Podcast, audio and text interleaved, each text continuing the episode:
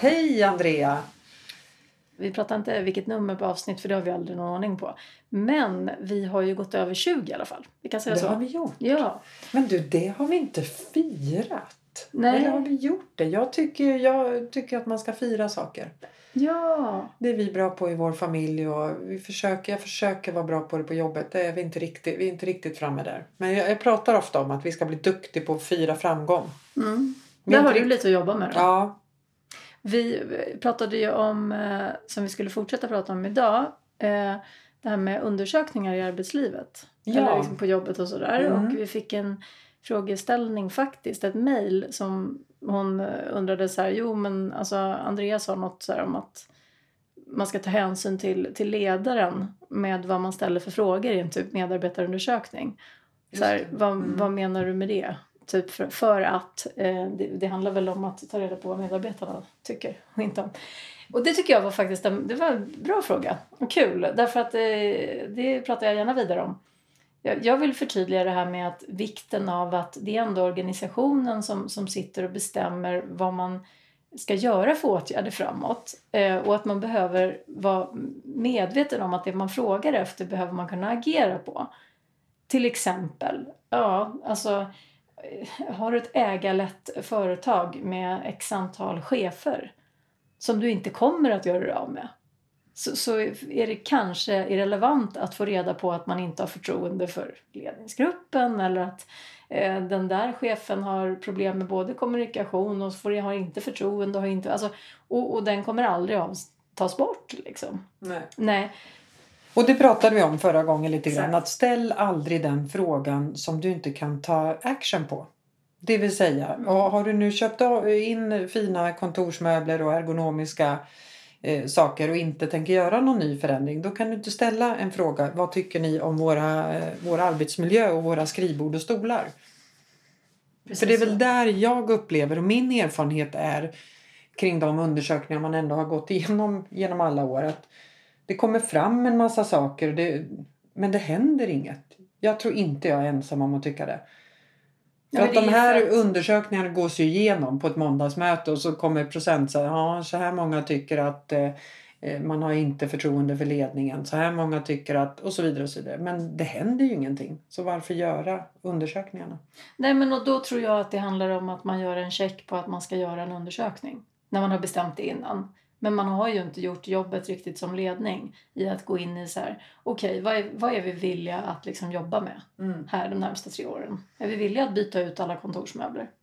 Nej men exakt. Kommer vi att ta den investeringen? Nej. Nej. Vi vill inte veta att folk inte... Nej. Nej, Nej men alltså Nej, men eller vara... som vd att jag är inte beredd att avsätta den här ledningsgruppen för det kommer vara de här personerna Mm. resten av eh, året. Då ringer det att ställa en sån fråga. Nej men absolut, precis. Och egentligen så, så vi menar ju bara det här att det skapar en förväntan Mm. vad du frågar efter. Det skapar en förväntan hos eh, en medarbetare att, att man är villig att förändra. För att om du är villig att lyssna på vad man tycker då skapas lätt en förväntan om att det ska leda till någonting. Så att är man inte Mm. villig att göra det så behöver man inte liksom skapa den förväntan. ställa den frågan. För att om det då inte händer någonting så tänker jag att då blir det snarare en negativ konsekvens av att man har gjort, av att man har fått reda på. Men i min erfarenhet är att man gör en medarbetarundersökning för att man ska göra det. Och då kan man sen säga det här är ett härligt företag. Här gör vi medarbetarundersökningar. För oss är liksom medarbetarna i fokus. Absolut, det är precis så. Det tror jag också. Det, det skulle jag säga tror jag är ganska vanligt. Mm. Ja, men det, det tror jag också. Så att eh, för att avsluta det ämnet ska väl ändå vara liksom att ta reda, liksom fundera innan du slänger ut en medar- medarbetarundersökning Mm. vad det är du vill få reda på och om du tänker ta action på det. Annars så ställ inte frågan. Nej, det är lite så. Vi har ett annat eh, hett ämne som är min eh, absolut, och det här jobbar jag med jämt. Ineffektivitet. Nej, men jag jobbar ju faktiskt med ganska mycket stressade både ledare och specialister. Men det, le, stressade personer som det har gått för långt för. Mm. Och mycket handlar ju om att vi blir hjärntrötta av ineffektiva arbetssätt. Och nu tittar Ja. Maria på mig Ja. som så här, hur, hur... Ja, Jag tycker att det är ett hett ämne för att jag tycker att eh, på alla arbetsplatser så jobbar man ju på något sätt eh, inte för, man, man använder inte den fulla potentialen. Ja, vad menar du med det? Att man eh, dubbeljobbar, man Mm. eh, eh, har det inte liksom uppstyrt helt. Att det är liksom tydliga roller. Eh, ibland kan det ju handla om att eh, nej, men jag vill inte lämna ifrån mig det här kanske. Eh, så att jag gör det här också samtidigt som någon annan ska göra samma sak. Mm, verkligen. så Bevakande. Ja, lite bevakande och det är absolut kanske min erfarenhet är att jag som har jobbat i olika säljorganisationer där är ju väldigt så. För att där roffar man ju åt sig och ingen får komma åt min kund och så vidare. Och så Mm. vidare. Men är det verkligen effektivitet? Det Nej, är det ju inte. nej, men det sen- handlar ju om individ, individen. Ja, men och sen att det är ju väldigt vanligt att man eh, ja, men lite så här, territoriebevakar sitt kompetensområde. Mm. Eh, Alltså, och det handlar ju om att vi får ganska mycket belöning av att vi känner oss duktiga. Så, och så är Och man rädd att, ja, men exakt, så är Mm. man rädd att man ska fråntas det. Men det handlar ju inte om det egentligen. Utan det handlar ju om en ökad effektivitet att till exempel ja, men använda bäst, alltså att den som är bäst på någonting ska göra mer av det. Mm. Till exempel. Ja, men Eller den som har relationer i den här, hos den här kunden, ta den då. För att Ja, du har redan en ingång. Mm. Det spelar ingen roll att du har jobbat med kunden i tre år. Om de har nu bytt marknadschef och den andra personen Mm. känner. mm. In med den. Mm. Ja men precis. Men, och med, men det som har blivit så väldigt vanligt idag som är nästan det största problemet idag det är ju att vi sitter och håller på med flera olika saker samtidigt. Så att man startar upp processer uppe i hjärnan. Du, du tar dig an ett mejl, Mm. du svarar på det. Sen när du väntar på att du ska få svar på det där mejlet så startar du upp fyra andra aktiviteter. Ringer några samtal, du sitter och jobbar med någonting som är mer långsiktigt som ska vara klart om ett par veckor samtidigt som Alltså det här liksom att starta upp väldigt många olika aktiviteter hela tiden. Så att man aldrig riktigt får känslan av att man blir klar. Du får inte tillfredsställelsen av att så här, bli känselsnöjd. nej. Nej. Men samtidigt så kan du inte skicka ett mejl och sen sitta i tre dagar och bara inte göra någonting utan Nej. bara vänta på att det ska bli ett svar på. Nej, men det kan man inte göra. Men det man kan göra är att man kan sitta och jobba med mejl en halvtimme. Mm. Att avsätta tid för Ja. det. Ja. Att du, att du jobbar med att liksom svara på Mm. mejl och mejla Mm. ett gäng personer. Så att du under liksom en timme så jobbar du med mejlen. Och sen så släpper du mejlen i två timmar. Och går inte in och tittar mejlen hela tiden. För att så fort du går in och tittar den där mejlen samtidigt som du sitter och jobbar med någonting annat som är lite mer långsiktigt så har du startat upp hjärnan igen i att säga, men gud, jaha, tänker jag sådär, jaha, ja okej, ja nu ska jag svara så här och så, jag säga, ja, och så har du gått in i det. Och då har du startat upp liksom de här flera Det olika där är processerna. precis jag Andrea. Precis så Ja. där jobbar jag. Och det är ganska ineffektivt. Ja, då jobbar jag ineffektivt. Jag tycker själv att jag är jävligt effektiv. Ja. Men du bekräftar nu att jag inte är det. En del har ju slutat med att ha den här, när mejlen kommer upp, att man ser dig Mm. i... eh, Till exempel, det är jättebra. Och att lägga telefonen en bit ifrån.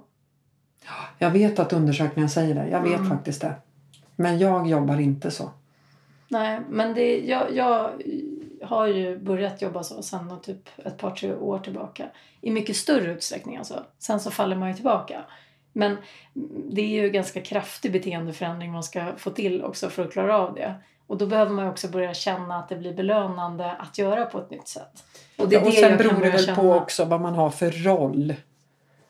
Det går ju inte att göra så i alla roller. Liksom. Dyker det upp en brådisgrej så får du väl ta den. Liksom. Du kan ju inte sitta och vänta i tre timmar för du har inte din mailtid nu utan den, har de, den går på om tre timmar. Livet funkar ju inte så upplever jag. Nej, fast det är ju det att, att nej men problemet är ju att du, det är klart att du ska ta de sakerna som brådskar. Det är bara det Mm, och att... då måste du in i mejlen och, och Jo, kika lite fast då. alltså om du går in i mejlen en gång varannan timme Mm. så, så, är, det så är ju Mm. problemet är att ta de där sakerna som brådskar. Det är ju att du skapar ett beteende som gör att du sen börjar agera som om tio saker till brådskar. Fast det är inte brådskande. Utan det var den där grejen som var brådskande.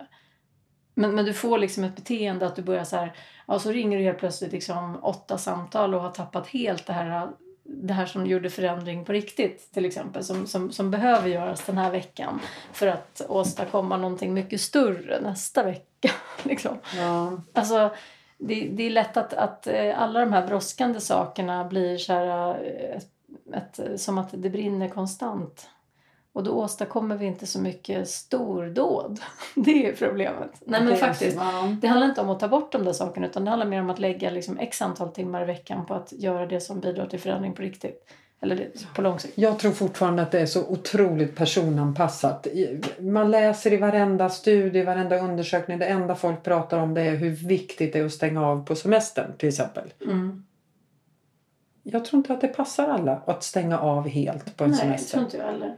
Men, Det kan du kanske göra om du är kommunalanställd. Då checkar du ut och sen har du dina fem veckor och lyfter inte din jobbmail på fem veckor. Och jorden snurrar när du kommer tillbaka. Jorden snurrar Ja. och allting är kvar när du Ja. kommer tillbaka. Kollegorna, skrivbordet, stolen, garageplatsen, allting. Mm. Men det handlar ju inte om, det handlar inte om allt eller inget. Utan det handlar ju ofta om de här små justeringarna. Ja, och individanpassa dem. Det är det jag menar. Att det kanske inte passar alla. Nej, men, men våra hjärnor ser väldigt lika ut. Alltså det, det är fortfarande så att för, för att, att starta upp eh, liksom hundra olika aktiviteter på en timma. Det skapar inte mycket. effektivitet. Nej, men liksom. det, du förstår. men, men, men såklart är det beroende på vad vi jobbar med. Alltså också. Men, Ja, och ha för roll framför allt. Det upplever jag. Ja, men det är väldigt lätt att inte få ut effektiviteten av en roll heller för att du har ett beteende som är ganska stressat. Liksom. Alltså det, det, vi, det är väldigt många idag Tycker som... man själv eller tycker andra? Nej men alltså det är ju väldigt många som söker hjälp för stress. Mm. Och det är det jag menar. Det är då, precis, det är det jag menar. Om man inte mår bra av det, då är det ju inte bra. Exakt. Men en del mm, lider ju inte av det. Nej, men det är ju också för att det handlar ju om att vad man lägger på, alltså vad som upplevs stressande. Alltså ehm, det som jag ser som ofta stressar människor som mest, det är det där du upplever att du inte kan påverka. Till exempel en, en, en chef som stressar ihjäl en. Alltså så här, Mm. relationer som inte funkar. Alltså det, det är ju Mm. sådana här faktorer som som är extremt stressande. Eh, om det ligger som en våt filt över allting och sen har du liksom en, ett ineffektivt arbetssätt. Ja, Ja, men då blir det liksom destruktivt, Det där liksom. är inte bra. Nej. Det hör ju till och med jag. Om man är liksom vd på Insight Competence och styr sin egen tid och eh, mår bra med att driva sitt egna bolag och sådär. Så kanske liksom 100 uppstart i hjärnan i timmen. Nej men alltså så att du, du, förstår vad jag menar. Det, Ja. det är liksom flera faktorer som väger in. Och det är ganska få som sitter med optimala förhållanden eh, hemma. Mm. Och en eh, arbets, arbetsgrupp som funkar jättebra. Och en chef som funkar jättebra. Det en skoskav någonstans Det- hela tiden. Så Ja. är livet. Ja men och det är då jag menar att, att det får konsekvenser med ett ineffektivt arbetssätt. Mm. Så att liksom, det handlar inte om att det alena leder till problem. Problemet är att, att du har två barn hemma som också är skitjobbiga perioder. Ja. Och mycket bråk i relationen i kombo med ett ineffektivt arbetssätt. Då klarar vi inte det så länge. Liksom. Det är ju jättejobbigt. Ja, du tycker att det där lät jobbigt. Ja, det där lät svinjobbigt. Och ha liksom, nej, det där lät Det väldigt där håller jobbigt. inte du på med Maria. Nej, men alltså det där lät, nej, det lät jobbigt. Nej, det är ju mer sånt där som jag håller på med. Typ ett barn som inte sover och ja, så. Då blir, man, då blir man angelägen om att ha ett effektivt arbetssätt. Nej, men det, jag tror att man kan absolut jobba mycket mer effektivt. Och nu med tanke på hur allt automatiseras också, bara där har du ju jättemycket att hämta. Vad tänker du på då? Nej men hela digitaliseringen och den digitala transformationen. Nu liksom automatiseras, eh, ja, vi som jobbar inom mediebranschen till exempel. Köpen. Det har suttit tio personer och köpt tv-reklam. Ah, nu automatiseras det mer och mer. Då Mm. behövs inte de- alltså, Det är ju också ett Mm. typ av effektiviseringssätt. Att nu är det liksom datorer och robotar som tar över mer och mer. Sen kan inte de ersätta allt. Men det är klart det kommer bli mindre personer på de rollerna. Ja, tror jag. absolut.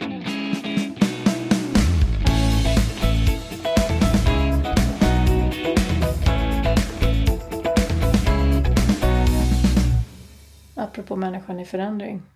Kommer man kunna ta bort lite ledare? Vad tror du om det?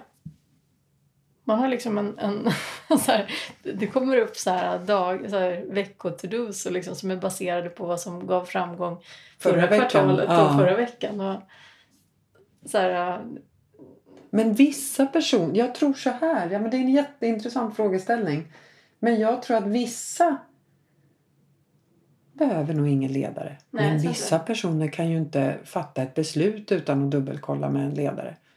Så vissa personer överlever inte utan en, en ledare som talar om vad de ska göra eller vad som är rätt eller fel. Och då menar du att den här datorn som talar om vad du ska göra. För det, det, jag menar att du, du har ju ställt ett program som talar om vad du ska göra. Men du menar att man inte lyssnar på Ja, datorn? ja, ja, du tänker, ja, ja, jag, jag tog ledare alltså, överhuvudtaget och ta bort eh, chefsroller. Jag tänker att man liksom har skapat en animerad person som sitter där Mm. och pratar i, i. Ett program. Som är precis den där ledaren som alla vill ha. Det vore ju faktiskt väldigt roligt. För då, då helt plötsligt så kan gruppen välja så här, vi vill ha någon som är Alltså kan det här vara en ny affärsidé? Ja, det, ja, fakt, jo men det tror jag nästan. Och så kan man välja då... Eh, Egenskaperna. ja, Så tar vi bort chefer bara. vi tar bort alla chefer och så programmerar vi in. Vi vill att våran ledare ska vara... Gruppen väljer ju själv liksom, Ja. hur, det ska vara, hur ledaren ska vara då. Hur ska man göra? Men Ja. hur... hur eh, Ja, det är det där med vad som triggar belöningssystemet då. ja, då För- kommer vi tillbaka till det. Ja. Plus att den här gruppen är ju inte eniga. Det går ju inte att göra... Alltså den här gruppen är ju inte eniga om hur en chef ska vara. Det är ju, är det, har du tio stycken i en grupp så har de tio olika åsikter om hur en chef ska vara. Ja men så är det ju. Men det går ju i och för sig att lösa. Ja, och då får det bli ja. någon så här... Mellanting. Mellanmjölk av alltihopa. Ja men då får det bli någon så här, vad, vad som blev liksom mest, eh, vad man röstar mest på. Men, men det blir ju intressant med eh, hur, hur bolagen ska styras också. Tänker jag. Mm. Det kan vara, då kan man, ja, ja men det här kan vara något ändå. Jag Alltså det här att- robotstyrda ledare. Ja, men för jag, bara har, jag har tänkt en del på det här liksom att mm, när man digitaliserar allting så här. Men vi är ganska så här, organisation, där händer det inte så mycket. Nej. Alltså, man skulle kunna tänka sig lite flera liksom, funktioner. Alltså så här, det är ju väldigt så här, ja det är ekonomi och så är det admin och så är det HR och så. så. Mm. Men, men jag, jag ser ju flera funktioner. Som man skulle kunna rationalisera bort. Ja, eller snarare bygga ut. Man har behov av mer. Alltså av andra funktioner. Måste, ja, Ja, det ena föder det andra. ja. ja, men det här är, det är ju spännande. Tänk vad, som, vad det gör med oss om vi inte har, om vi inte har ledare. För det finns ju, jag menar få är ju så utsatta som ledare. Alltså de ska ju liksom, de, de, de får ju verkligen veta att de lever alltså. De Mm. har ju väldigt mycket att göra konstant. Och får ju ganska mycket, men det är ju ganska tungt att vara chef idag. Det, det uppfattar ju jag alltså. Är det en stor skillnad, du som har jobbat med det här ett tag, är det stor skillnad om du backar tio år? Ja, därför att det Och vad är det fanns för ju... nya utmaningar? Jo, men alltså bara den utmaningen att det är, är mycket färre människor som vill bli chefer. Alltså det gör ju som vill bli chef. Det är ett jävla Nej. skitjobb alltså. ja, men lite, ja, men lite så. det är Alltså, ingen status längre. nej, sen finns det ju andra incitament, alltså lön och, och sådär. Men nej, men exakt. Alltså statusfrågan har ju förändrats ganska ordentligt. Det är ju lika stor, stark status att vara tung specialist inom ett Mm. ämne liksom, som att vara chef. Vilket gör att chefer tappar ju lite auktoritet. Det är ju lite som att vara förälder idag. Du har ju inte någon jätteauktoritet. Det är ju snarare barnen som bestämmer. Det är Alltså- ingenting att säga till om Nej. det. Man är överkärad även där liksom. Ja, men alltså jag, jag kan ju känna mig som ett offer under mina fyra barn. Alltså så att liksom, jag måste ju verkligen ibland så anstränga mig för att känna att det är jag som bestämmer. Det är ju alla skuldkänslor som bestämmer. Ja, nu har jag inte räckt till där, du är lite otillräcklig på det. Och nej, Nej, herregud. så de får ta en glass fast det är onsdag. Ja, men det lite så här. dem. Ja, Mm. och att det är så här hela tiden liksom att man ska kompensera för något jag inte har gjort och min otillräcklighet liksom. Det är Men inte du, det mycket där är ju aktivitet på det. Nej, jag vet. Men det där är ett intressant ämne som du tar upp, det här med otillräcklighet. Tänk att vi, många ändå, inklusive jag själv, att man känner så. Man är otillräcklig hemma, man är otillräcklig på jobbet. Man, ja, Man räcker liksom inte riktigt till. Man skulle kunna göra lite, lite till där. Man skulle kunna göra lite, lite till där. Mm, men Varför är vi aldrig nöjda? Varför sätter vi oss inte ner och känner att idag har jag presterat på min fulla potential. Nu har jag ju, det är ju inte jätteofta. det, har ju, men det har aldrig hänt i mitt liv faktiskt till att börja med. Men, men jag börjar nosa lite på det ibland. Och du, hur mår du då när du nosar på den? Du måste vara otroligt nöjd med den känslan. Att jag, att jag känner mig lite tillräcklig. Ja. Jo, men absolut. Och det här är ju en springande punkt konstant när man pratar med stressade människor. För då är det ju, då jobbar jag mycket med det här med att komma i kontakt med vad det är man undviker. Alltså för det är ju det som på något sätt gör att du är jagad. Du säger otillräckligheten. Mm. Mm. Det otillräckligheten driver ju ett beteende som, som kanske blir lite överaktivt. Men referenserna har ju förändrats. Du, du, svaret på din fråga. Jag tänker referenserna har förändrats. Alltså för 30 år sedan Mm. så upplevde du dig mer tillräcklig av att vara typ mamma. Du kanske jobbade 50, många kvinnor jobbade 50 procent liksom. Nej men så här, du, du, du, Mm. ja, idag, vem är du om du Mm. bara är mamma? Mm. Förlåt men alltså du, du har inte åstadkommit så mycket idag om du bara är mamma. Nej.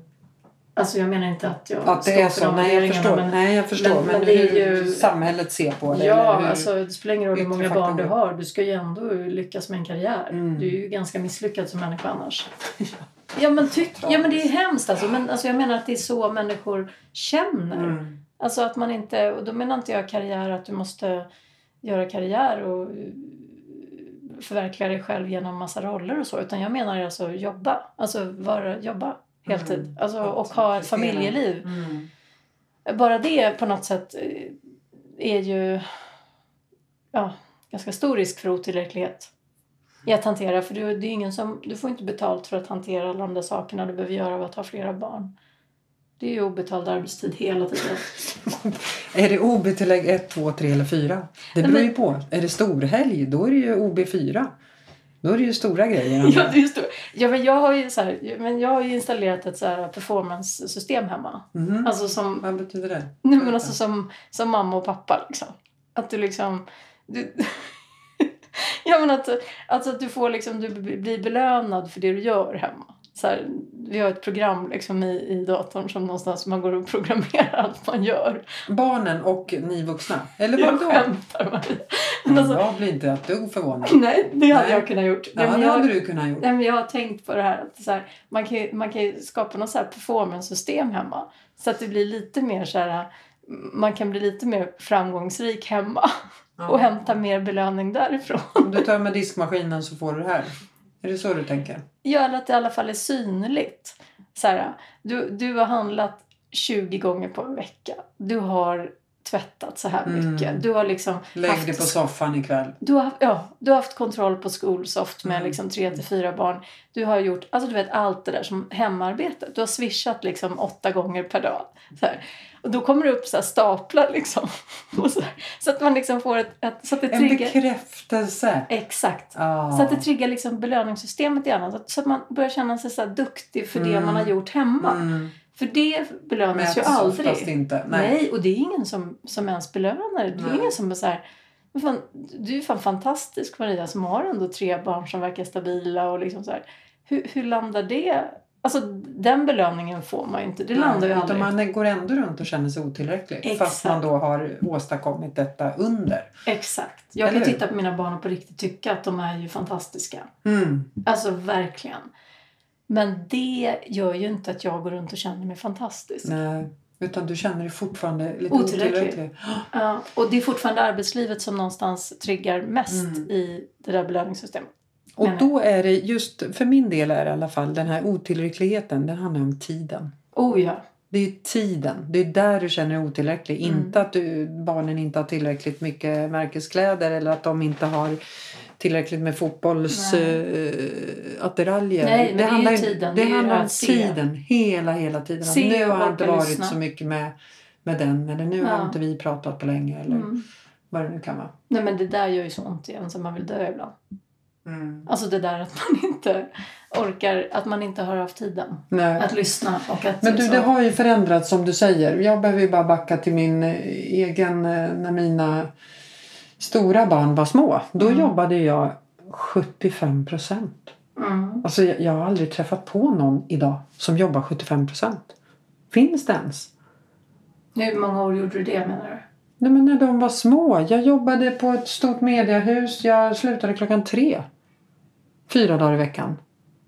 Mm. Det gjorde i och för sig jag också fast jag jobbade ju sen på kvällen. Liksom. Nej men det gjorde inte jag. Utan jag jobbade Nej. 70 procent. Men hur lång tid pratar vi då? Nej men några år.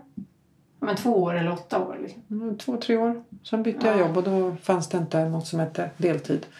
Nej. Så.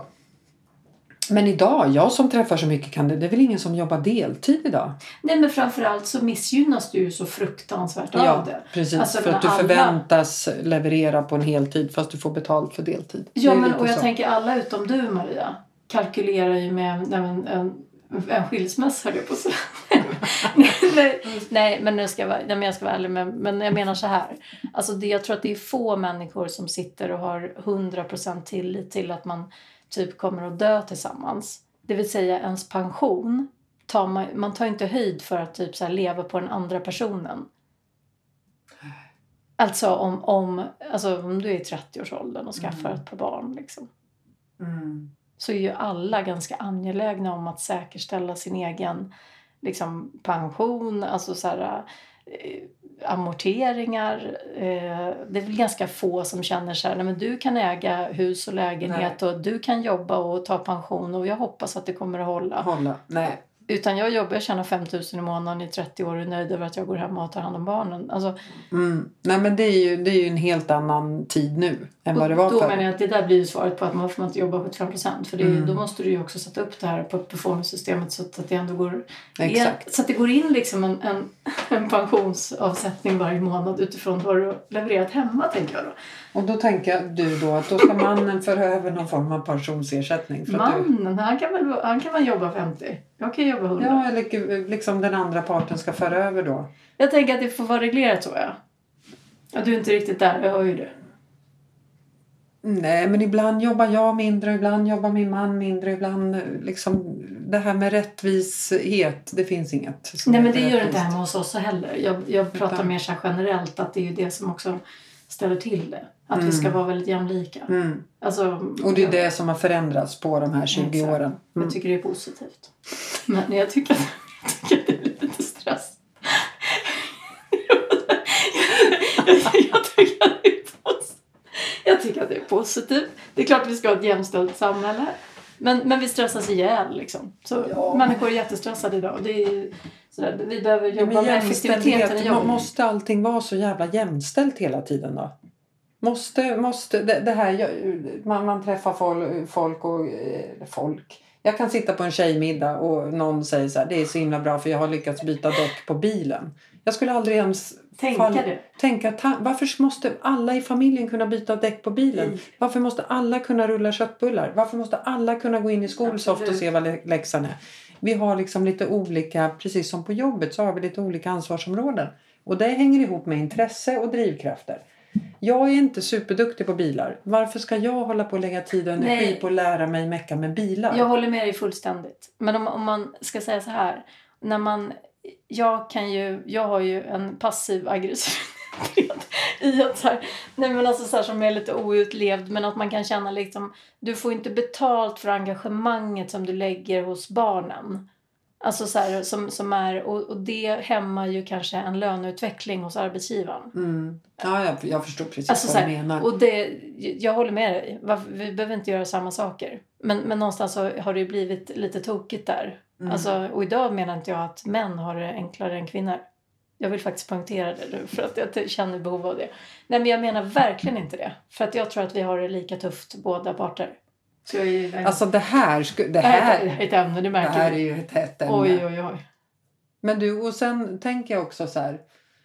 Att vi har lite olika bakgrunder och det är därför vi resonerar som vi gör också. Ja, du menar att du har varit tillsammans med din man i 48 Ja men, år? ja men typ. Och du har, nej, men, och du har varit ensamstående Ja, med verkligen. liksom, två, tre småungar Ja. och med allt vad det innebär. Det är klart Verkligen. att du har en annan syn. Jag är lite argare när det kommer. Det, det är ju ingen som har rätt och fel här. Det måste vi ju liksom punktera. Ja, men ju, verkligen. så. Jag Absolut. eh, känner inte att jag får bekräftelse om jag lär mig byta däck på bilen. Ja, men verkligen, absolut. Jag Eller tycker vi avslutar så. Jag känner att det kan bli lite, det kan bli lite taggigt annars. Du, vi får fortsätta när vi har stängt av micken här. Ja, vi gör det. Eller hur? Vi gör det. Toppen. Vi eh, är tillbaka i Stockholm och eh, ja, vi Ja. saknar Åre. Det gör vi. Mm. Vi drömmer oss tillbaka. Det är tur att vi har många bilder. Ja, det är bra. Du, vi hörs nästa vecka igen. Vi gör det. Hej så länge! Hej då.